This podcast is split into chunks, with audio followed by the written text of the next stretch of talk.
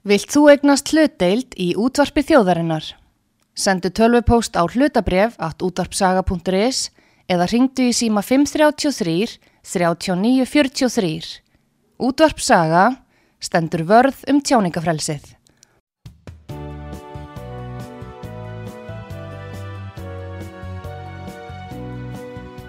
Síðdeis útvarpið á útvarpisögu í umsjón Arnþróðar Karlsdóttur.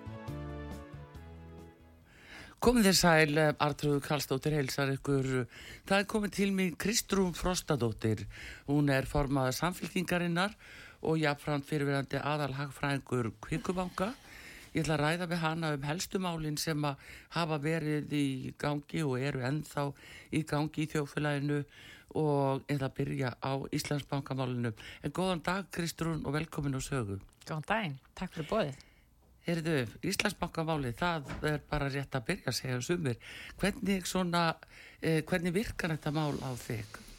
Hver er Já. svona þín viðbröð við þessu?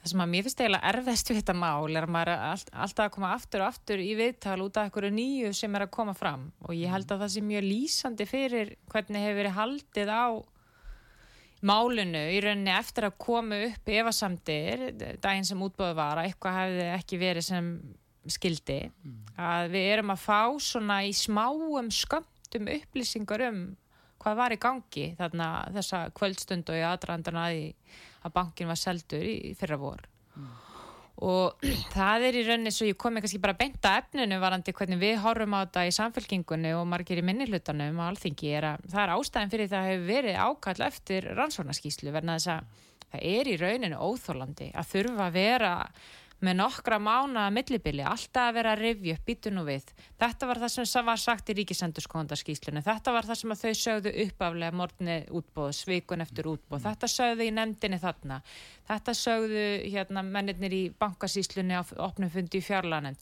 Við erum komið svo langa sögu af í rauninni kannski stökum þingmönnum í, í svona einhverjum rannsóknarleðangri yfir þessu máli að ég held að, að það sé flestum að að verða ljóst að við þurfum auðvitað bara eitthvað skipulega yfirferða málinu og síðan auðvitað byrtist þessi skýsla núna frá fjármáleftilitinu og uh, Þetta er auðvitað mál sem að fjármáleftiliti tók upp hjá sjálfum sér að rannsaka. Mm. Bæði er það nú almennt þannig að þegar það farið í svona stóra sölur, 50 miljardar sölur á markaði, þá er oft bara sjálfkrafa að ráðast í aðtjóna málunu, en þess að það er auðvitað bara margt sem er að fylgjast með. En síðan vantarlega voru eitthvað grunnsöndir um eitthvað hefði átt að gera öðruvísi. Og þarna komaði þetta í smáadröðum fram, bara mjög alvarleg atriði eins og, eins og fór fljótt að koma í ljós þarna daginn eftir útbóðið að starfsmenn væru að kaupa til dæmis í bankanum um, og kannski svona það nýjasta sem kom fyrir augufólkstóða hafi verið gasbraðum það það hefði verið talað um að almennum fjárfestum hefði verið hleyft að mm. útbóðinu þrátt verið þetta væri bara fyrir hæfa fjárfesta eða fagfjárfesta og þetta er náttúrulega mjög alvarlegt vegna þess að hugmyndina bak við að loka útbóðinu fyrir mm. almenningi var að fá inn ákveðna tegund fjárfesta Já. og þannig ertu þetta strax búin að brjóta í rauninni þá hugmyndafræði Já, það, það kemur umlað svona fram eins og út að lýsa þessu eh, svo að það eru nýjar upplýsingar nánast á hverjum degi Já. í hverju þá þessi hugsanlegu brotur fólkin Já.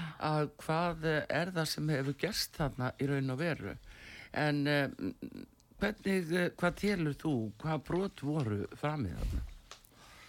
Ef þetta hefði nú gert svona uh, hér áður þegar þú varst í kviku. Þegar ég var í kviku, já, já, hva, já. hvernig hefði ég var náttúrulega svo sem svona mín sag fjármálu geranum kemur til eftir 2008 og er inn í inn í svona fyrirtæki sem er alltaf kannski annars eðlis en þessi stóru bankar sko, því að kvika var minni fjárfestingabanki þegar ég var þar, það hefur náttúrulega stækkað síðan þá. En Sko þetta eru þetta á mörgum stigum. Í fyrsta lagi er það svona hinn eiginlega ábyrð og ákvarðantakku um að fara í söluna sem liggur hjá fjármálráðara og fjármálráðuneti ákveður að, hérna, að, að ráðast í þessu sölu. Svo ertu með bankasísluna sem eru þessi milli menni, milli aðlar sem eiga undibúa allt, eiga að vera með verkverðlana til að tryggja lög um sölu og banka í ríkisegu séu virt og það er alltaf nú lög en lögin á fjármálamarkaði sem fjármáleftiliti var að skoða. Og það er mjög mikilvægt að hafa það í huga af því að fósettisráð þeirra hefur í fjármálum sagt að hér séum heildstæða nálgun að ræði þessari skýslu að á opnum fundi efnars og viðskiptanemdar mm. með fjármáleftirleitunum daginn, þá spurði ég þau bara sérstaklega út í það, ég menna eru þið að skoða til að mynda í þessari skýslu lögum bankasölu? Eru þið að skoða jafnræði? Og þau segja nei, þau eru bara að skoða hlutir sem snúa að e, fjármálagjörningum og fjármálamarkanum beint Já, þá bara eh, röfla að lögum eh, fjármálafyrirtæki. Já, í rauninni. Þau eru bara þar. Þannig að þessi skísla tekur bara á því, um, mm. en það sem er áhugavert að kemur fram í og ég segi, það er þetta með almennu fjárfestana sem í einhverju tilveki hérna var svona þrýst inn í hæfu fjárfesta skilgarninguna á miklum mm. hraða. Mm. Í einhverju tilvekum um, virðast er hafa bara farið í gegn þráttur að hafa verið hæfi fjárfestar til dæmis í gegnum eignastýringu Íslandsbanka að það er mikið að bara alveg fjárfestum sem er með peningarna sína í stýringu hjá banka, ekkert við það aðtuga og svo stýring getur verið tvennskonar, annars vegar ert þú bara með eitthvað aðila sem tekur allar ákvarðanir fyrir þína hönd mm. og þá ert þú almennu fjárfestir en einhver annar þinn ráðgjafi og síðan getur þú átt svona samband þar sem að þú ert fagfjárfestir en fær svona uh, ráðgjöf af og til Já. og að eitt af tilbóðunum sem að láð þarna inn í pantanabókinni uh, sem kom til bankasíslunar og sem mm. fjármálar á þeirra kvittað upp á stóð bara eignastýring Íslandsbanka Já. og það sem að ég var kannski að reyna að, að komast til botsi þegar við vorum með þennan opna fundum daginn í þinginu var sko hvað bankasíslan segir þegar að uh, ákveðnar upplýsingar liggja fyrir frá Íslandsbanka Akkurat, þegar stendur uh, hérna, uh, hvað hefði átt að standa að þínum hætti? Nei, ég menna, það sem að það svo sem ekkert aðtjóðvert við að það standi eignastýringarna, það sem að ég hefði hugsað ef að þú hefur reynslu úr bankageranum eða fjármálageranum eða mm. hvað svo sem er, mm.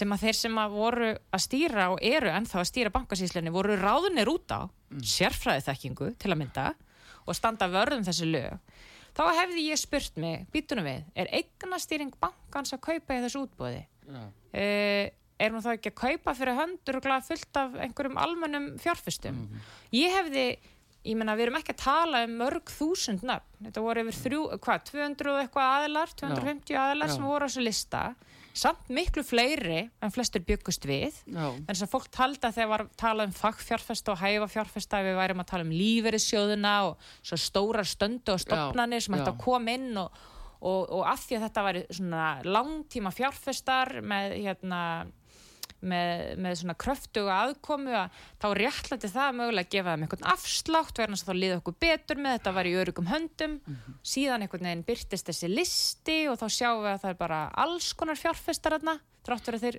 tikki allir í þetta boks sem hæfa fjárfesta skilur en það sem að kemur á óvert er kannski að í fjármála eftirlit skíslunni uh, segir orðrétt að að hérna, Íslandsbanki hafi vilt fyrir um bankasíslunni mm. þegar kom að ákvörnum tegundum fjárfesta vegna þess að, að skilmarlatnir í útbóðinu gerir ráð fyrir að þetta ættu bara að vera hæfir fjárfestar og einhverju tilökum voru það ekki hæfir fjárfestar. Þetta hefur síðan verið tekið upp af ymsum ráðamönnum sem eru mjög upptegnir að því að þetta sé allt bara Íslandsbanka sölumönnunum að kenna hvernig þannig fór mm. og sagt já það er búið að blekja hérna að blekja bankasýsluna. það er það sem er, sko, því er haldið á lofti já, og gengi svo langt með að mm. ákveðin ráður að tala mér, það er auglustlega bara að vera að ljúa og mm. þetta er komið það átt. Og ég spurði fjármáleftiliti að þessu á opnafundunum bara hvað fó, fólst í þessum villandi upplýsingum að það hefur verið vilt fyrir? Mm. og þá kemur fram já það er nú bara svo að við fundum engin samskipti millir bankasýslunar og Íslandsbanka eftir að hafa búið að velja fjárfestana Já, þannig að villandi upplýsingar félast í því að þeim bara bárust engar upplýsingar um fjárfestana. Já. Já. Þannig að bankasíslan sem sagt spurði ekkert úti neina þessum fjárfestum mm. sem að byrtust á þessum lista frá Íslandsbanka Já. sem að mér finnst frekar aðtöðverð verðan þess að ég hefði haldið ef að þú ert þessi millimaður sem á að passa upp á jafnræði, ætti að passa upp á hæsta verð að mm. lögum bankasölu sé fyllt að þó að þú er ekki verið með puttan í hverjum að einum fjárfesti þá getur nú rendið við listan og ef þú sérð svona eins og eignastýringu einhver staðar, já ég byrju hver allir sé á bakvið það? Já. eða ef þú sérð ákveðin nöpp sem var svona eh, eftir mikla reynslu fjármálgeran þú ætti kannski að kannast við að þú veldi í fyrir sér hvað sé á bakvið þá aðla en engar svolítið spurningar verðast það verið spurðar þannig að þó ég geri alls ekki lítið úr ábyrð Íslandsbanka og það er alveg skýrt í þessari skýslu að það eru lögbröð til staðar sem að snúa reglum uh, um fjármálmarkað Já. um, þá þýðir þetta ekki að, að hérna, málið stoppi bara hjá hérna sölur á Já, eins og ert að lýsa þessu að,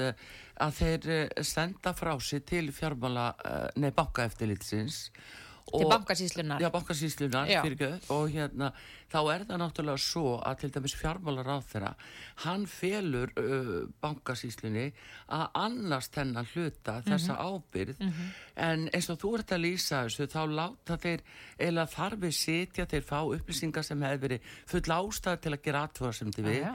heldur þeir láta það bara renni í gegn. Já, ég menna það, Eða maður, upplifir svolítið, ég menna bankasíslan kom líka á þennan fund í vikunni að, að minni beðni af því að, af því að stjórnaformaður og, og, og hérna yfirmaður bankasíslunar þeir voru búin að hafa sér mikið í frammi eftir byrtingu Íslandsbanka skíslunar Já, eða sérst fjármál eftir skíslunar um að þeir, það hefur nú verið blek, blekkingaleikur og þetta kemur þeim allt saman á óvart og, og ég vildi nú svona aðeins fá að heyra í þeim hljóðið og hvernig þeir sæju hlut, sitt hlutverk. Og það kannski fyrst og fremst sko hvaða verkverðlar voru til staðar í bankasíslunni til þess að tryggja þegar þau fá þessi tilbóð í hendurnar? Já, að þeir svona geri að þeir geri einhvers konar pröfur á því Já. að það sé í lægi með þetta. Og þeir gáttu engum það svarat það kom ekkert konkrétt frá þeim hvað það var þar. Og mín upplifin er að fólk sé að spila sér svolítið sem bara svona sendill að þú hafi bara gengt því mark, eh, hérna, hlutverki að taka við tilbúðum frá Íslandsbanka og afhenda fjármáráþara og þetta er mjög stór spurningar trú, sem er ósvarað ennþá. Hvað gengur þarna á eftir að þið fá um, e, pantanabókina í hendurnar og afhenda ráðherra vegna þess að lögin um sölu á banka í ríkisegu eru þess eðlis að ráðherra ber að tryggja að þegar að hann kvittar undir að selja bankan þá sé hann búin að fá rökstutt álitum að lögin séu virt að jafnræði sé virt að, að hagkvæmni sé þarna leiðaljósi og sé ákveð gagsægi Já, og, fagfjárfestar ekki Já, satt, já, algjörlega. Og þá hljótu við að gera kröfum að fá að vita ok, hvaða mælikvarða hvaða tjekklista voru þið með í ráðunitinu og hjá bankasýslunni til þess að tryggja svo færi og það hefur enginn getað svara þessar spurningu. Þannig að þá erum við komin aftur að svona upphæðinu í samtalin hjá okkur sem er að það er ekki hægt að vinna þetta mál svona. Við getum ekki verið að fá inn smá tíning af upplýsingum. Og ég hef sagt sko, þetta snýst ekkert um að reyna að hanga ráðherra eða hanga ríkistjórnina staðrendin er bara svo að við um hvergi fengið heildstæði yfir sín um hvað það gekk á allt sem hefur verið leift að rannsaka í þessu máli hefur komið illa út og ef að ráðamenn ef að fjármálaráðherra og hérna nefndina ríkistjórnar sem að Katrin Jakobsdóttir og Lilja mm. Alferðsdóttir um efnaðismál e, þau hefa ekkert að feli í þessu máli og fjármálaráðnandi ekki heldur þá hefur maður haldið að þau myndu bara vilja að þetta er allt rannsakað til lítar við fengjum upp alla tímalínuna hver vissi hvað hvenar Já. og hvernig þessir aðlu töluðu saman ráðunneyti við bankasýslu, bankasýslu við Íslandsbanka og ringin vegna þess að þetta var í besta leiðin til að eigða allir í tortrygni um þetta mál og tortrygni um frekari einkavæðingu hjá ríkinu. Já, já, og spurningum trúuruleika fjármálastofnana. Hann er náttúrulega í húfi núna, sko. En ég meina en staði fyrir mm. við komin að þennan stað að það einhvern veginn uh, má ekki skoða neitt þar til að það búið að uh, hérna, íta smám saman út þessum skýslum frá fjármál eftirlitinu um, og núna er verið að fara rosalega hart í, í starfsmenn Íslandsbanka og bankastjóran. Og ég ætla ekki að gera lítur þeirra ábyrð, ekki miskila mig. Nei, nei, en það vekur aðtigli finnst mér hversu harðir stjórnar hérna, meðlumir eru núna á því að fá starfslokasamningin á því að bankastjóri segja af, sér á ábyrð hennar mm. eh, gagvart undirmönnum sínum þráttur að hún hafi ekki verið með puttana segðu til í þessum stöku viðskiptum og hún hafi ekki verið að segja fólki að kaupa eða hvað svo sem er þá hún sem höfu stopnunarinnar að fara, verður þess að hún berða á byrð Já, hún fyrir náttúrulega sérstaklega greitt fyrir það að uh, sjá um uh, söluna fyrir svona undirbúning. Algjörlega. En uh, þá náttúrulega líka Kristrún, spurningin um stjórnbankans Já. hvað með þeirra eftirlýskildu og uh, að fylgjast með uh, því sem var að gerast raunverulega. Gangur skuggum að Mm. þetta væri raunverulega fagfjárfestar. Sko, hlutverk stjórnar er, er ekki endilega að vera með, sko eins og ég var að segja, með puttana í útbóðinu sjálfu, en stjórnir beru þetta ábyrð á því að innlega ákveði verklag og vinnumenning og þess að þar og, og, og auðvitað bara að skapa þannig umhverfi og aðstæður að, að reglur og lög séu virt. Og stjórnin ber að sjálfsög ábyrð á því að það eh, virðist vera kúltúr þarna á ákvönnastöfun í bankanum, nú er ég bara vitna í, í fjármáleftiliti þar sem að, að, að regluverki hefur ekki verið fyllt og þess vegna finnst mér bara mjög gott að það sé verið að efla, efna til stjórnakjörs núna Mm, í Íslandsbanka um, í næsta mánuði. Þannig að ég er alveg skýraði að þessir aðlar er að setja ábyrð mér finnst bara áhugavert að neðst í keðjunni skilur, þegar þú ert búin að fara frá eh, hérna, fósættisráðara, neður í fjármálaráðara ráðuneytið, bankasýslu og svo ertu komin á söluðalan útbóðinu Já. og þá verður allt brjálað hjá stjórnarliðum þá þurfa allir að fara og sæta ábyrð sama hvar þeir eiginlega voru í málinu. En svo er enginn tilbúin að skoða bara, herru, hvað vissi ráðherra þetta kvöld? Hvað vissi fjármála ráðneyti þetta kvöld?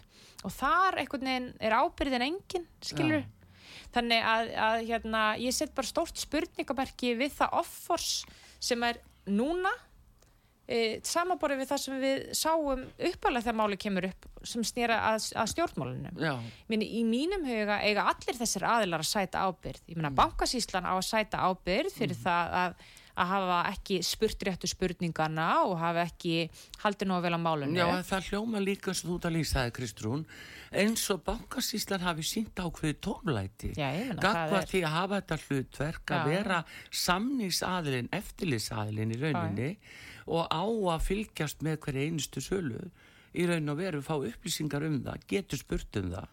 Já, minnst að kosti vera með ákveðin ramma Já. til að tjekka hluti af. Já. Þannig eru aðilar ráðinir inn e, sérstaklega út frá sérfræðu þekkingu þeirra. Já, til þess að bara alveg eins og allir sem hafa nokkuð tíma gengt ábyrðastöðu eða yfirmannstöðu einhver staðar og þú ert með eitthvað sem vinnur fyrir þig þú skoðar ekki alla vinnuna þeirra en þú átt samt að vera með þá reynslu þekkingu að þegar þú færð þú veist grafið eða þú færð Excel-skjál eða hvað svo sem það er þá sérðu strax, ég veit ekki af hverju þetta er ránt en þetta er eitthvað skrítið, já, Já, upplýsingar. og þetta vita allir sem hafa gengt Já. einhvers konar yfirmannstöðu og það er það sem að maður setur spurningamerki við að það hafi ekki verið spurningar spurðar þarna. Og það er eins og þú segir ákveðið tómlæti en ég vil bara fá allt fram í þessu máli og, og ég sko, ég verð manna fyrst til að fagna því. Ef það kemur í ljós að öllu hafi verið fyllt og, hérna, og allt hafi verið eðlilegt sem snýra ráþerra og fjármáraráðunetinu mm. fyrir mér er þetta engin herfer sérstaklega gagvart honum eða ráðunetinu en við þurfum líka bara bæði þingið og þjóðin að vita ef að það er staðan að allt var upp á punkt og prigg hjá ráþerra og í ráðunetinu og hjá ríkistjóðinni undirbúningur var 100% að þetta gætt farið svona skelvilega þegar framkvæmdinn fór af stað. Það, við þurfum að læra því fyrir næsta útbóð hvar samskiptarleysi átt þessi stað. Og, og mér finnst algjörlega ótakt að þessi ekki vilji til að skoða þetta mál bara frá upphafi til endar þannig að þessu máli er Já. enga veginn lokið. Eh, sko nú líka uh, munum við það Kristrúna að þegar að það er ákveðin þessi sala mm. og þá kom uh, fljóti í ljós að það var eitt ráð þeirra af þessum þremur þar að segja fjármálar ráð þeirra fórsettisráð þeirra samþyktu þetta en það var aftur á móti viðskiptar ráð þeirra Lilja Alfredsdóttir hún sagðist fyrir sitt leiti ekki hafa verið sátt við þó hún hafi ekki bókað það -hmm. þannig að það eru strax komnar upp efasendir já, já. Uh, innan ríkistjórnar Já, já, og það er annað sem að til dæmis enginn hefur talað um að því að málið hefur bara ekkert komist það langt ennþá. Og mm. ríkisandskoðandi tekur sérstaklega fram í sinni skýslu að það er væri ekki hans hlutverk til að mynda að skoða hvort að það að loka útbóðinu yfir höfuð hafi verið löglegt. Já, Það er enginn búin að skoða það.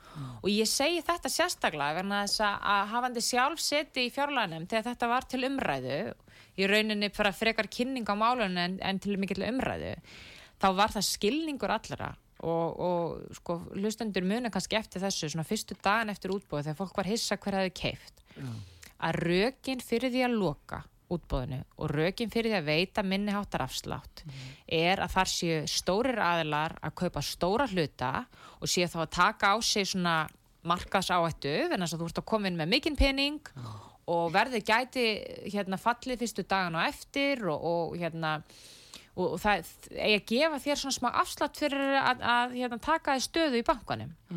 Og eðlilega væri það þá fjárfestar sem í, í huga fólks eru svona ákveðni kjölfestu fjárfestar. Um, síðan kemur í ljós að þetta eru smarri aðilar þetta eru erlendir aðilar sem hefðu áður keift í bankanum og selt sig út það er til dæmis annað mál akkur var bankasíslan ekki með þessi nöfn uppi við og þegar hún sá eh, nöfnin á tilbáslistanum herðu fyrirgeðu þessi sjóður við munum nú eftir þeim hérna. Í, sko það er nú ekki að hafa sérfræði þekkingu til þess, það þarf bara að hafa lesið vel fréttir hérna árið áður. Ég man nú eftir að þessi sjóður fór nú út skilur eigum við eitthvað að vera að selja þessum aðalega við vitum að þetta er ekki aðalega sem ég eftir að, að staldra lengi við?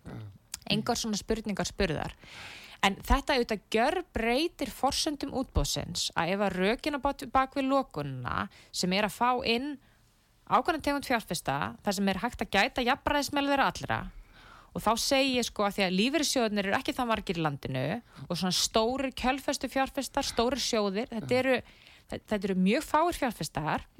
Þeir eru settur upp í viðskiptum hjá eiginlega öllum fjármálfyrirtækjum þannig að þeir hefðu ekki verið í misjafri stöðu að því að komast að útbóðinu og það hefði verið hægt að tryggja 100% jafnbræði þarna á milli. En um leið úrst farin að bjóða bara Jóni Jónssoni sem er skráður fagfjárfestur út í bæ á bókina sína að kaupa. Þá ert allt í hennu komið með eitthvað Pál Pálsson sem er kannski bara settur upp hjá einhverju öðru fyrirtæki og kemst þá ekki að í útbóðinu og þá er í jafnbræði og er þið miklu erfiðar að passa upp á. Og þá er þessi hugmynd, grunn hugmynd um hvort að það hefur verið löglegt yfir höfuð að loka útbóðinu hún er bara komin í svolítið uppná og það hefur enginn skoða þetta aðtrúður og þetta skiptir líka máli. Og eina leiðin til að skoða þetta er að vera með aðila sem getur skoða lögum bankasölu. Já. og það hefur enginn aðili raunverulega að skoða þau lög. Nei, þetta eh, nefnilega hljómar eh, nokkuð eh, nokkuð engjörlega margt að þessu og mér finnst þess að núna, Kristrún mér finnst þú vera að koma með hluti þarna sem að kalla á það þú bendir á rannsóknar nefnd á vegum þingsins. Það er líka spurning sko hvað með hér að saksóknara sem bara tekur þetta alla leið að ekki svo skilja að rannsóknarnefndin geti gert það líka en ég er að hugsa um tíman uh, sem ég þetta færi að, að því, því þarna virðast vera svo víða brotin lög svo ert að benda á varðandi bara útbóðið, mátti loka því. Og það er líka annað að, að þarna var verið að lækka verðið á brefum af því að það veru erlendi fjárfestar sem að væru taldir vera langtíma fjárfestar og það sýnir sér nánast á, á einhverjum sólaringum að þá eru íslenski lífriðsjóði búin að kaupa þau bref ég meina það er svo margt svona sem að bara fer illa í fólk og, og er þetta allt eðlilegt? Það er einhver það er einhver svona uh, áferð á þessu máli sem að manni finnst að ætti allt eins heima hjá gera saksóknar ég meina fyrsta skrefið í það minnsta er að fá inn aðila sem að hefur aðgang að öllum gögnum og getur kalla eftir, eftir öllum samskiptum. Þeir aðila sem hafa verið að skoða máli, ríkisandur skoðandi og fjármáleftiliti hafa ekki verið í þeirri stöðu og, og hafa með þess að sjálfi tekið fram að þeir eru að skoða ákveðin ánga málsins. Fyrsta skrefi hlýtur að vera að ef að fólk er sammálu um að svona illa hafi farið með þetta mál, núna er ákveðin stjórnarlegar farnir um þetta að lýsa því yfir og Ég- maður fagnar því auðvitað ekkert að þetta hefði gengið illa en maður fagnar því einhverju leiti að fólk sé tilbúið að sko viðurkenna Já, að því ég já. man eftir hérna fyrir ári síðan við áttum hérna samtal Já. og það vildi enginn viðurkenna eitthvað hefði farið úrskeið Mhm. sko. núna er fólk allavega komin þangað en líður kannski betur með það en það er að kenna einhverjum banka um það skiluru, ekki pólitíkinni en ég held að þetta muni alltaf já, já, en ég held að þetta mál muni alltaf fylgja okkur nefnum við fáum rannsóknarnefn já. og við munum auðvitað bara halda áfram að berjast fyrir því, minnst að eina að rétta í stöðunni að kalla þetta allt fram, ég menna annars er bara öll frekari sala á ríkisegnum Hún, þetta mun alltaf hanga yfir frekari sölu á ríkisegnum Já, já. Jú, jú, ég heyri það að uh, það er svona tótnin í uh, fjölmörgum að, að það verði ekki haldið áfram ef að, þetta á að vera, já, já. uh, vera svona og enda svona en það er hins vegar svona veku líka aðtegli eins og það að nú bankastjórin fer og það virtist í fyrstu eins og þá væri bara að tala að máli væri list já. Og, og svo ger krafa um núna að, að þessi starfslokasamningur verði byrtur og, og komnar svona getgátur um það hversu hár hann sé. Og eh, en er ekki uh, bankastofnani með uh, svona starfskjara stefnu og einhverja stefnu í því hvernig svona mál séu ágreitt Nú bara viðkenni ég veit það hennilega ekki. Mm. Ég veit það hennilega ekki hvernig þetta er skilgrænt í hennar tilviki, sko.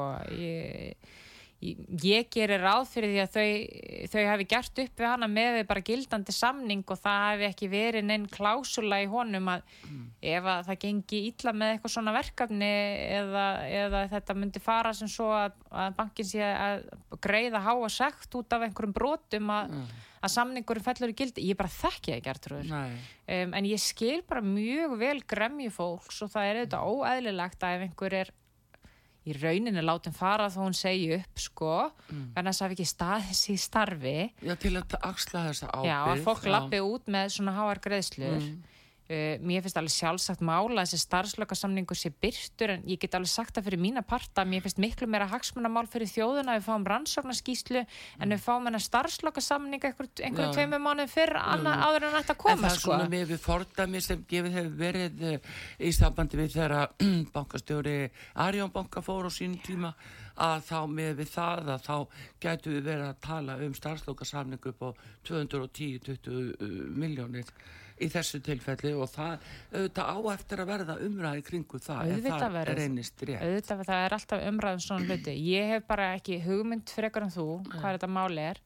Um, mér finnst bara fullkonlega að þetta verði byrt en eins og ég segi við vitum að þetta verði byrt að lúkum spurningin er hvort að við, það breyti ykkur fyrir máli þetta komi núna eða, eða setna ég menna við hefum bara ekkert sett okkur upp á móti þeirri beðna þessu verði byrt, að þetta verði byrt strax en ég bara ég byðla til fólks að missa ekki sjónar á hvað raunverulega skiptir máli sem er að við fáum heildar sín yfir þetta mál. Og það sem að stjórnin er náttúrulega að gera núna er að reyna að setja allan fókus bara á bankastjóra Íslandsbanka og söluráðgjafana og hvað þau gerður á Já, og það var margt sem fór úrskeiðis og ímislegt sem þau gerður á og þar eru einhverju aðlar að axla ábyrð og núna er verið að velta fyrir sér hvort að það, það þurfa að eiga sér stað einhverjar, einhverjar frekar uppsagnir og við sjáum það nú reyndar í fjölmjölum og það er Já. greinlega að eiga sér stað en þetta frýjar ekki sko eh, hérna ríkistjórnana ábyrða því að upplýsum þetta mál þannig að mér finnst það bara skipta rosalega miklu máli Já, og sumulegist náttúrulega bankasýsluna. Það, það, eh, þeir, þeir töluðu líka um það að uh, fulltrúðu þeirra að, eh, að þetta væri best vel hefnaðasta bankasala í Evrópu Já, já. allara tíma. já, já. Þannig að fólk veit ekki hvernig á að taka þessu. Nei, nei, en það held ég að fólk svona hálfpartin bara glotti þegar það heyri þetta sko, hérna, það er ekki mikið mark á því takandi og í rauninni er þetta bara hálf vannverðing við fólk finnst mér að, að segja þetta, en ég vil samt vekja aðtikla á því að því þú ert að tala um ábyrð bankasýslunar, ég meina það er augljóslega pottur sem var brotin þar, en uh, mannstu eftir því hér síðasta vor um, þegar mikið var gert mál úr því?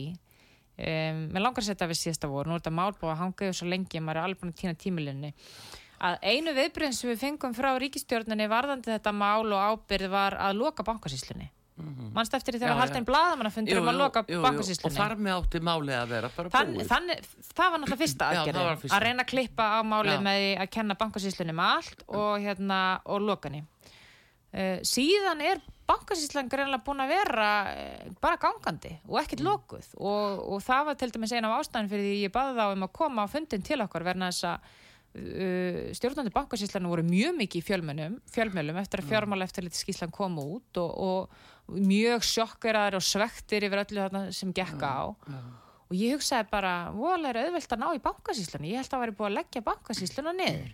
Síðan koma þeir á fundin, bankasýslun og, og ég spyr út í þetta og fleiri nefndamenn, bara hvernig stendur á þessu var ekki búið að loka bankasýslunni. Og kemur ljósa, það hefur auðvitað bara ekkert gerst í því máli. Um, þeir eru ennþá með fullt umboð og að því verðist tröst frá ríkistjórninni meðal annars til þess að vera uh, umboðsmenn að hafa fullt umboð frá ríkistjórninni inn á stjórnarfund sem verður núna í lókjúli Já. fyrir hönd Íslenska ríkisins íslensku þjóðarinnar í rauninni og munu þar uh, fara með valdið. Þannig að sko, minnst þetta segja allt sem segja þarf um þetta mál fyrst átt að leggja þessa stopnu niður þeir átt að sæta ábyrð Já, já. Um, hún, það er ekki eins og búið að leggja hana niður þeir eru ennþá með fullt umboð Já, og það er líka annars ég tók eftir vegna þess að ég var að tala við einn uh, stjórnamann í bankasýslunni og núna fyrir ekkert svo löngu síðan spurði hann einmitt út, út, út í þetta og þá mátti hann ekki segja nei, nei. veist, það var bara ákveðni aðla sem máttu tala en hann mátti ekki segja neitt það líka þessi þögn hún er dálítið ósættanleg Já, ég menna, það er mögulega verið að fylgja ykkur verkla, ég ætla nú ekki að tjá mig um það, en, en sko aðalmáli finnst mér bara verið þetta. Fyrst átti að leggja niður bankasýslan og hún var ekki lög niður. Um, nú- svo átti bankastjórun að fara, hún fór, mm það er mögulega að fara að vera breytingar í stjórn, það er verið að segja fólki, ég menna þetta er allt eitthvað sem að að mínu leiti er mjög eðlilegt eftir það sem að áöfur hérna gengið og eftir stendur áfram pólitíska ábyrðin, skilur Já, já, og hérna það þarf að svara spurningu um það. Þannig ég ætla bara að byggja fólk um að hafa það áfram í huga sama hvernig þetta fer núna með Íslandsbanka. Eh, Þetta segir gestur minn Kristrún Frostadóttir, eh, formaður samfélkingarinnar og er að ræð, við erum að ræða auðvitað um Íslandsbankamálið en við fáum auðlýsingar hérna núna á útvarpi sögu og þá ætlum við að fara yfir í önnu mál og eh, byrjum á efnaðasmálunum. Við komum aftur eftir skamastund.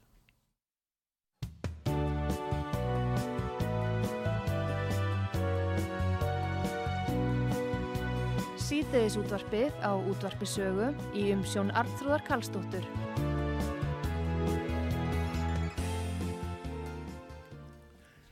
Komið þér sæl aftur uh, til að hlusta á út af sögu.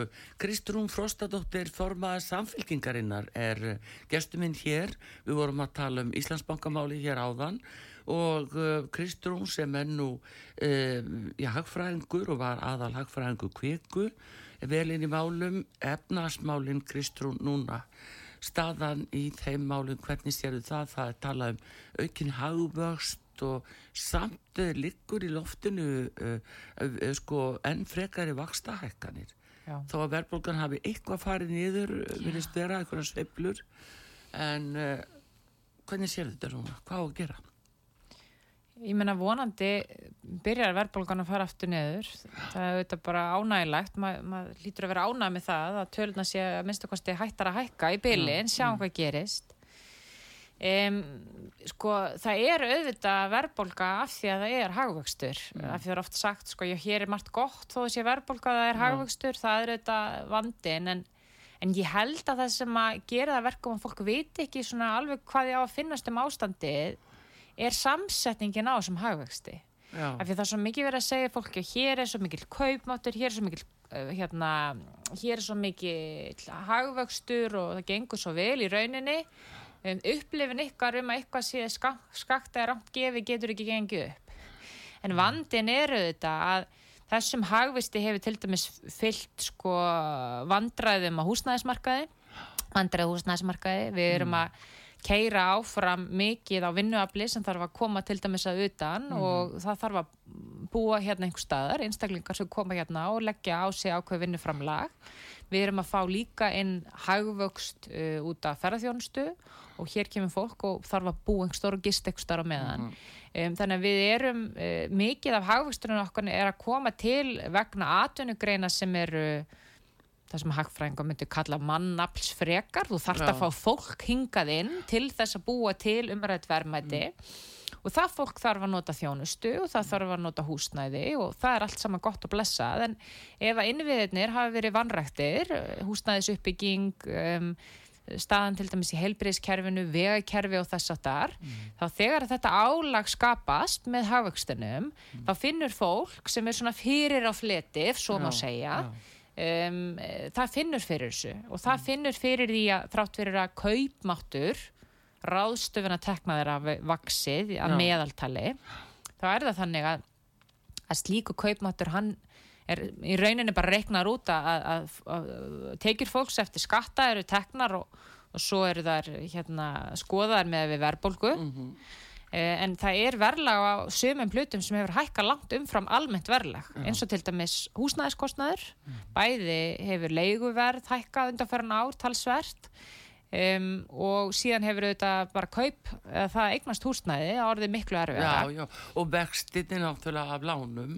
Vextir af lánum háir og hækka mikið en sko ég nefni í því samingi að það sem er sko sársökafylst fyrir flesta einstaklingar sem eru með lán í dag og eru að sjá vexti hækka þeir sem eru með breytilega vexti um, er ekki bara og ekki eiginlega endilega sko að það að vextir sjálfur sé að hækka prósentan heldur verðan þess að Íslandi þarf maður að skuldsetja sig svo mikið til þess að geta keft sér eign. Að undirliggjandi skuldsetning er svo mikil að hver vakstaprósenta hún hefur svo mikil áhrif. Já. þannig í, í allir skilvirt. og þannig í allir samingi um umræðum húsnæðismarkaðin við erum svo rosalega fókusirðu ofta á vexti og auðvitað skiptir það máli og hlýtur að vera kapsmál hjá okkur að skapa umhverfi þar sem við náum að lækka verðbólgu og hafa stöðu að vexti að leikil atrið er ekki endilega að vera með 2% stýrivexti heldur að segjum sér svo við væri með 5% stýrivexti Já. til lengri tíma og að uppafskostnaðurinn við að fara inn á húsnæðismarkaðurinn sé lægri þannig að þú þarft ekki skuldsetja jafn mikið og þú ert með fyrirsjónleika En hverju þá að hafa eins og húsnæðisliðin inn í vísitölunni, þá myndi þetta lækka. Það væri það, Að hverju má ekki gera það? sko, það má auðvitað alveg gera það og ég, ég tek fram því þetta er bara mjög góð spurning, menna, við megum faktist sé að gera það sem við viljum þetta er okkar samfélag, við getum Já. rekið eins og við viljum, Já. lög, lög og reglur eru bara sett hérna af löggjánu Mm. og almenningur er kýs löggjafan þannig að það er alveg hægt að setja fram þá kröfu en sko það þarf bara að hafa það í huga að þó þú takir húsnæði út úr vísitölunni um, þá er auðvitað hægt á því að ef að til að mynda bankarnir með það sem svo að þessi nýja vísitala sem væri ekki með húsnæði næði ekki yfir almenna verðþróun í landinu af því að þeir vilja segja uh, ég meina húsnæðisverð skiptir bara máli við þurfum að fylgjast með húsnæði. Alveg eins og Sæðlabankin gæti alveg verið að miða við verðbólgu sem að væri ekki með húsnæði inni en er samt alltaf að fylgjast með húsnæðismarkarum á hliðalinni bara hvað er að gerast þar, þetta er eignamarkar sem hefur áhrif. Hættan er svo að, að það sé brugðist við því með því að kannski hækka vextina uh, í staðinn, venna þess að þú upplifir að, að þetta sé ekki að endurspegla raunverulega kostna fólks. Þannig að þetta gæti þetta er eitthvað sem að svona teoretist svona fræðilega hljóma mjög vel.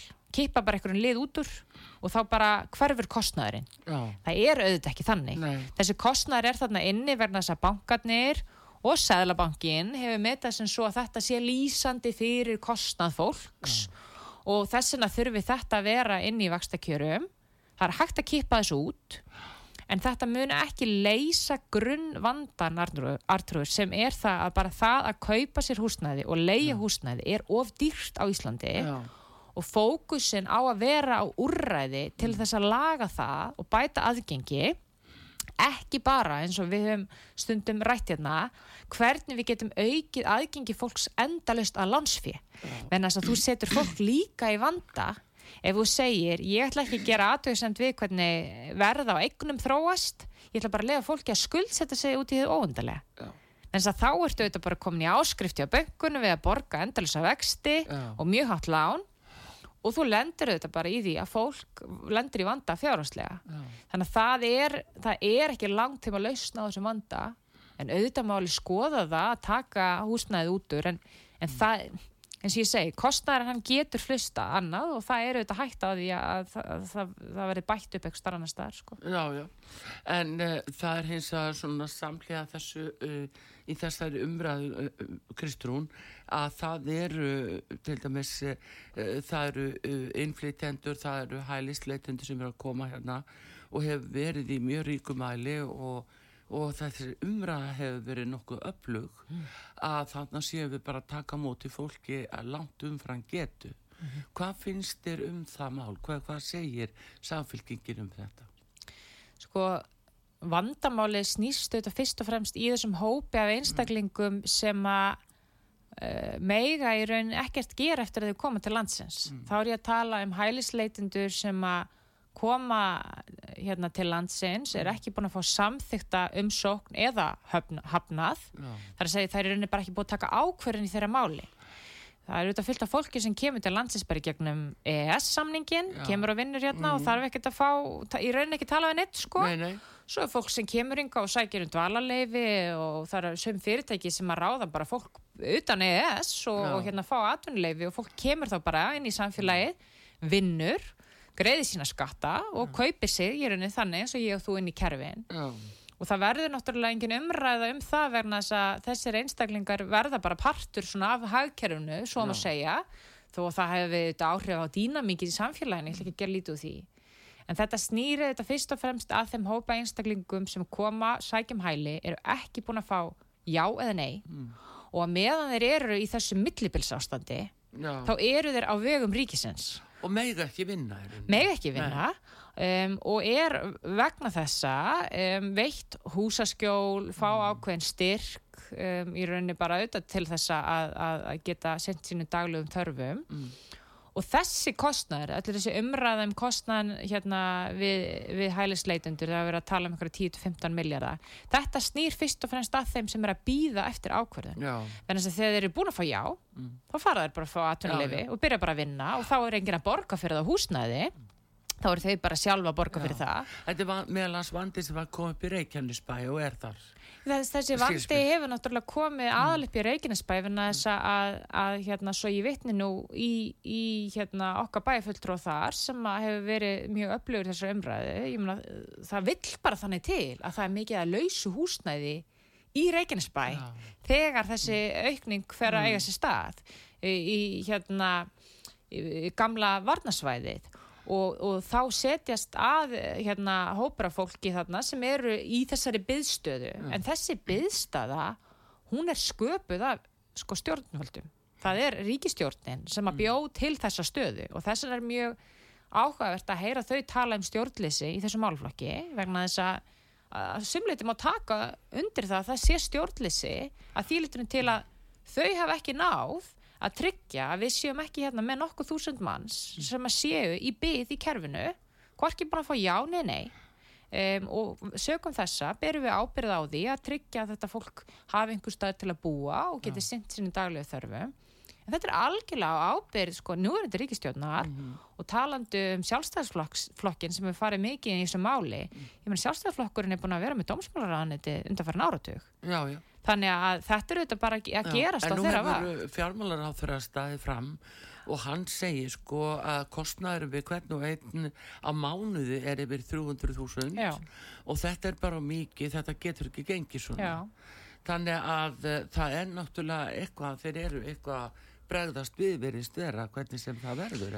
Já, það verður þetta bara í ljós Mhm. en staðrindin er svo að, að til að mynda þetta útlendingafrumvarp sem var hérna í þinginu í vor Já. það var mikið rætt um það og, og hérna mikið debatterað en sko það er í raun ekkert í því frumvarpi sem að treyði hraðari umsóknir þessara einstaklinga vandin hefur verið að fólk situr fast þarna í þessu millibils ástandi og meðan það er fast hvorki búin að fá já eða nei er að, að, að þá er það ábyrríkisins og ég hef verið skýr með það þegar spurða, ég menna ég og, og við samfélkingunum, við erum fylgjandi skýrum ramma í þessum máluflokki það þarf Viljið að vera þið hafa opin landamæri eins og og kalla? alls ekki. Vi, við viljum ekki það er, eh, það er ekki hægt að tala um sko opin landamæri þegar maður er að tala um skýran ramma. Það þarf bara að vera sko regluverk og lög sem tryggja að rammin sé augljós og við séum þá með stopnarnir sem getur fyllt þeim ramma það sé hratt og örugt hægt að segja já og nei. Auðvitað koma alltaf upp einhver tilvik sem er á grensinu ég ætla ekki að segja, maður getur aldrei skýrt hlutinu 100% Nei, nei. en það þarf að vera skýrami varðandi þennan hóp sem að kemur hér og sækir um hæli þess að varðandi aðra innflytjendur, til dæmis gegnum ES þá fylgjum við bara ES samningnum Já, já. varðandi atvinnuleifi og, og dvalarleifi sem að vinnuveitandir geta sótt um, þá er bara ákveðin rammi þar um. Varðandi hellisleitundur, þá þarf að skýra ramman og síðan þarf að vera þannig að þegar niðurstæði komið í því máli e, sérstaklega hérna þegar það búið að veita eða sem sagt þegar það er búið að sinja við komið einstaklingi þá er það bara að virða niðurstöð Já. þannig að við, það er alveg skýrt í okkar máli en það hefur ekkert komið fram núna frá ríkistjórninni sem að skýrir þennan ramma og mikið af þeim undanþáum sem hafa skapað vandamál í kerfinu hefur ekki verið tekið á og, og það er engin leið að sjá að það er einhver aukinn skilvirkni sem hafi fyrst núverandi breytingum á, eða síðustu breytingum á útlendingalögum. Já, já. Er ég sé að tími okkar er nú sennu úti Kristrún en við langar að nefna aðeins kvalviði bannið sem að, að eh, var sett á núnum daginn og það er uh, gríðalegt hagsmunamál og mikið mm átakamál í á, st- bara hjá mörgum landsmönnum Já. greinilega uh, það talaði um uh, stjórnsýslu brotar á þeirra hvað segir þú um þetta? Hvað segir um þetta kvalviði bannið? Núna? Sko ég er ekki inn í, í lögunum á bakvið þetta, ég skal bara vera alveg hreinskil um það. Ég sko myndi þurfa að fá frekar skýring á því en það er náttúrulega verið að rökra þetta fram og tilbaka þó Já. ég hafi auðvitað séð þessi umrættu plögg og ég hef lesið þetta. Ég meina mín skoðun er bara svo algjörlega óhóði hvað fólki finnst um kvalveðar yfir höfuð, hvort að við höfum átt framtíð í því eða ekki. Þá finnst mér aðdraðandina að þessu mál ekki lægi og mér finnst þetta snúast um sko virðingu fyrir fólki í hennum ymsu atvinnugreinum. Að stjórnmálamenn þegar þeir taka ákvarðanir um að breyta uh, ákvörðan hlutum í samfélaginu um, við, mena, við fáum umboð og sérstaklega fólk er í ríkistjórn ég tala ekki um þegar fólk er í ríkistjórn þá færðu umboð til þess ofta breyta og taka stundum erfiðar ákvarðanir stundum óvinnsalar ákvarðanir. En þú átt alltaf að vita og vera meðvitaður um hver fórnarkostnarinn þeirra aðgerð er Já, og ef að vel er að því staði þá er búið að búa þannig um hnútana það sé passað upp á þeir sem verða þá fyrir barðinu á breyttum lögum eða þú veist, breyttu breyttur atvinnustefnu eða hvað svo sem að kalla það að þeir seti ekki einir eftir með skadan af því. Já, já. og í þessu Og máli engin fyrirvar í rauninni. engin fyrirvari og, og þannig fyrir mína parta algjörlega óháð skoðun fólks að kvalviðum almennt þá finnst mér ekki í lægi að það sé tekin ákvörðun með svona skömmum fyrirvara. Mér finnst þetta ákveð virðingalesi við fólki sem var að vinna við þessa grein. Þetta er bara venjulegt fólk Já. sem var bara búin að treysta ákveðna tekjur. Og, og hérna ef að það er vilji lögjafans og það er vilji ríkistjórnarinnar að stöðva kvalveðar gott og vel en það þarf að hafa aðdraanda það þarf að vera fyrirsjónleiki og það þarf að gefa fólki tíma til að aðlæða sig að breyttum aðstæðum Já. og þetta á við allar breytingar sem, sem eru gerðar á íslensku samfélagi Já. Þannig að þú hefðir ekki uh, gert það sama og uh, matfælar á þeirra. mér finnst aðdraðandina þessu máli ekki í lægi og sko það skiptir öllu hvernig fólk ber sig að. Og mér finnst það skipta máli líka bara sem skilabóð til hlustenda fólk átti sig á því að til að mynda þær breytingar sem við í samfélkingunum erum almennt að tala fyrir af því nú erum við að taka heilbreyðismálinn í gegn við erum að fara í aðtunum samgangur í haust. Þetta snýr alltaf því að koma af stað ákveðnum breytingum sem að er aðdraðandi að og við gerum það með fólkinu í samráði við fólkið, við eigum samtöl við þau og við erum meðvituð um hvar fornarkostnara liggur og við séum búin að veita fólki ákveðna tryggingu fyrir því að ef að það er þarna á grensunni og það verður fyrir breyttum áslum, breyttum tíma hvað svo sem það er, að við höfum hlustað á þau, tekið tillit til þeirra og fólk fái tíma til að aðlæða sig að breytum aðstæðum. Og þetta snýstu þetta bara um virðingu fyrir fólkinu að núti Já. þannig að mér finnst, ég hefði ekki staðið sem er þessum hætti, alls ekki. Næ, en hérna Kristrún, svona síðustu að nú uh, ert þú nú sko ung og, og ný til þess að gera sem mm -hmm. leiðtogi og skoðanakanninni sína að uh, ykkur er að ganga afskaplega vel í hugum fólksmyrkusti og hérna mm, þá sér maður að það er að byrja að koma gaggrinni og það farið í persónuna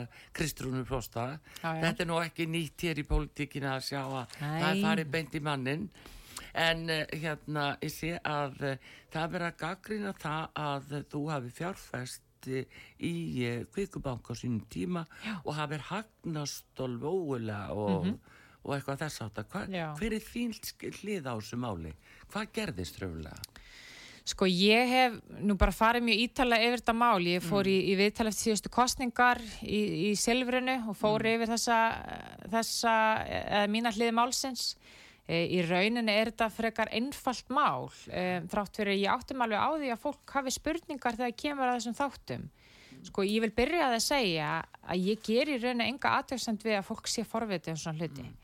Um, það tók mig kannski tíma að komast á en stað vegna þess að ég kom mjög hratt inn í pólitíkina Já, og þegar ég, þetta kom fyrst til umræðu og bara svona almennt mín persóna, ekki bara þetta mál þá er þetta svolítið svona sérstakt Já. að þurfa að opna allt upp á gátt og þú ert einhvern veginn að reyna að halda í sjálfa þig, þú ert að passa upp á þig og fjölskyldan og börnin og alls konar svona hluti. já, já. en þú En ert það er náttúrulega líka, Kristrún, það er náttúrulega, þú ert kona, sjáðu, Já, það hefur sitt að segja, ég vil bara segja það. Eflaust hefur það það, en punktur minn er kannski bara sá að þegar þú ert að reyna að sækja umbóð til þjóðurinnar í rauninni til þess að leiða stórar breytingar þá finnst mér, og breytingar sem hafa áhrif á daglegt líf fólks, þá finnst mér ekki skrítið að fólk vilji vita mjög mikið um þig og hvers konar mannski þú hefur að geima og við erum auðvitað að reyna að sækja okkur hérna traust í samfélkingunni og ég er auðvitað stór partur af því. En sko málið er þannig að þegar ég byrja í kviku um, þá e, fæ ég tækifæri á því líkt og um, hundrað aðri starfsmenn, ég er ekki nákvæm með þá tölu ég menna þegar ég byrja í bankanum er um 80 manns að starfa þarna og líklega hafa einhver fengið þetta tækifæri eftir ég byrjaði að vinna þarna.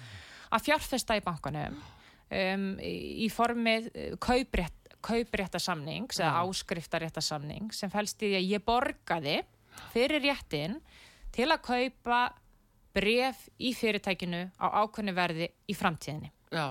Þá ekki- gerir það persónlega en ekki í nafni félags. Nei, ég Nei. bara átti hérna þrjár miljónir Já. eða, já, þetta var svona ígildi minn sparnar á þeim tíma, ég var Já. nýkomin heim úr vinnu Erlendis og námi og, og ég ákveði að kaupa þarna áskriftaréttindi eða Mm. kauprétti fyrir þrjár miljónir króna. Ég gæti ekki ráðið hvenar ég, ég reist í þessi, sem sagt, eh, kaupabrjöfunum á þessu verði, heldur var þetta fastsettu tími Já, og þetta fó líka í sér að, að brefin urða að hækka meira en 8% á hverju einasta ári til þess að ég myndi fá eitthvað út úr þessu. já, já. Fyrstu árin var þetta algjörlega verðlaus fjármálagjörningur. Það er stór áhætt. Æ, ég menna, þú veist, ég, ég veldi þessu í allir heimskili ekki svo mikið fyrir mér. Mm. Eh, Ég held kannski ég geti fengið einhverjar eina, tvær miljónur Mm. út úr þessu. Svo gerist það menn ég er í kviku að bankin fer á markað Já, fyrst á First North, svo á aðal hlutabriðamarkaðin síðan um það leiti sem ég er hætt í bankanum þá saminast kvika TM já. og fer úr því að vera í rauninni bara lokað enga félag með 80 manns í því að vera eitt stærsta félag á markanum samhliða þessu lækka vextir gríðarlega eh, sem að lifti öllu verði á hlutabriðamarku verulega. Í rauninni eitthvað sem ég sjálf reyndar gaggrinda sinn tíma. Og ég sit uppi með það eða stend frammi fyrir því að halda á brefum sem eru orðin rosalega verðmætt Já, já. Og e, þetta er auðvitað bara fjárfesting sem ég gerði. Ég fekk þá leiðbynningu bæði þetta frá vinnuveitenda þegar ég gerði fjárfestingu í hlutabrjöfum að þetta veri auðvitað bara fjárfesting sem ég kefti og líkt á allir aðeins starfsmenn greitti bara fjármastekju skatta þessu Já. ég gaf þetta allt upp, þetta bara stendur mjög skýr skýrt á en þú öllu mínum borgar fjármastekjuskatt en ekki tekjuskatt. Ég borga fjármestíku skatt, já, mm. bara eins og ég, ég taldi eðlilegt Já. og allt þetta, þessir einstaklingar En varstu hagnaði. ekki með þetta í félagi, skiluru, Nei, nei, þá hefur átt að borga kannski tekjuskatt, ekki það ekki? Ekki ef að þú skilgrinir þetta sem fjárfestingu Já. og sem að ég taldi þetta vera Já. og fekk aldrei neina aðtöðsendur skattinum og framanna var þetta skilningur allra að því að þetta var kaupa hlutabrjöf og hagnaður sem að leysir út Já. og borgaði fjárfestingu skattaði Já.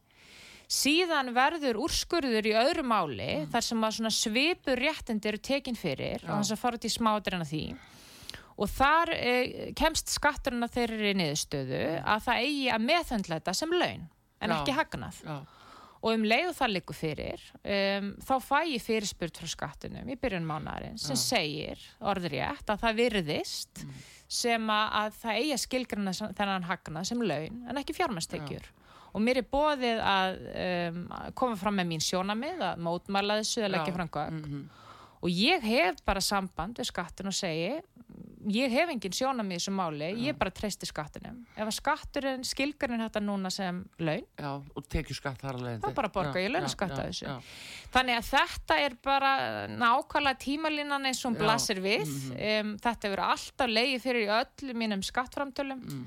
Um, ég fylgdi bara því verklagi sem að lagt var upp með. Um, ég hvergi reynda að telja þetta öðru þessu fram en ég, ég taldi bara eðlilegt og í samræmi við það sem skatturinn sagði. já, já, Og svo greitti ég bara af þessu um leið og, og það eru þarna breytingar á. já. Það er nefnilega það, það er gott að fá uh, skýringar frá þeim sem umræðir eins og sagt hér, því að uh, þetta er náttúrulega er margt skrifa eins og á netinu og þá veit kannski fólk ekki bara hvað er rétt að er á. Nei, nei, og sko í, í, í algjöru heilskilni Mm. þá skil ég það mjög vel. Ég skil það mjög vel að fólk velti þessu fyrir sér. Þetta eru háar uppæðir, þetta er ekki sjálfgefið. Eh, Svona virkar markaðurinn og þetta, hann getur stundu verið svona bara svolítið lottó tengdur, að þú getur hafa sett inn pening á réttum Mm. Tíma réttum stað. Þetta er nákvæmlega ástæðin fyrir því.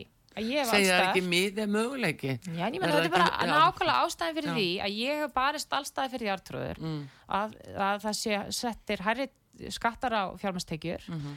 um, að fólk hérna sé tilbúið að greiða mögulega skatta af stóreignum og þess að þar af því að ég veit það líka að fólk getur bara verið heppi og fundið sér svona í aðstæðum. Já. það er ekkert að því að fjárfesta en fólk á þetta að borga sangjarnan skatta því. Já, já, en það er hins vegar kannski mikilvægt að fólk setja í félag til þess að tryggja að sé með fjármastekjuskattin en Það í En- rauninni tengist ekki beint, sko, að þú getur verið með persónlega kennitölu á Mm. þínum hérna greiðslum og þó ef að það er bara hagnar af brefum, átt að borga fjármastekjur að því. En ég bara, var ekki með þetta í neinu félagi, þetta var bara í mínu nafni og Já. kom allstað fram, sko. Akkurat. Eru Kristrún Frostadóttir formaða samfélkingarinnar gaman að hitta þig og, og hérna þakka að kella fyrir komninga til okkar á útarsögu, gangi er allt í hægin við höldum áfram að fylgjast með þér eins og öllum hinnum og Artrúðu Kallstóttir þakkar ykkur fyrir góðlustendur og takk nema Bræði Reynisson verið þið sæl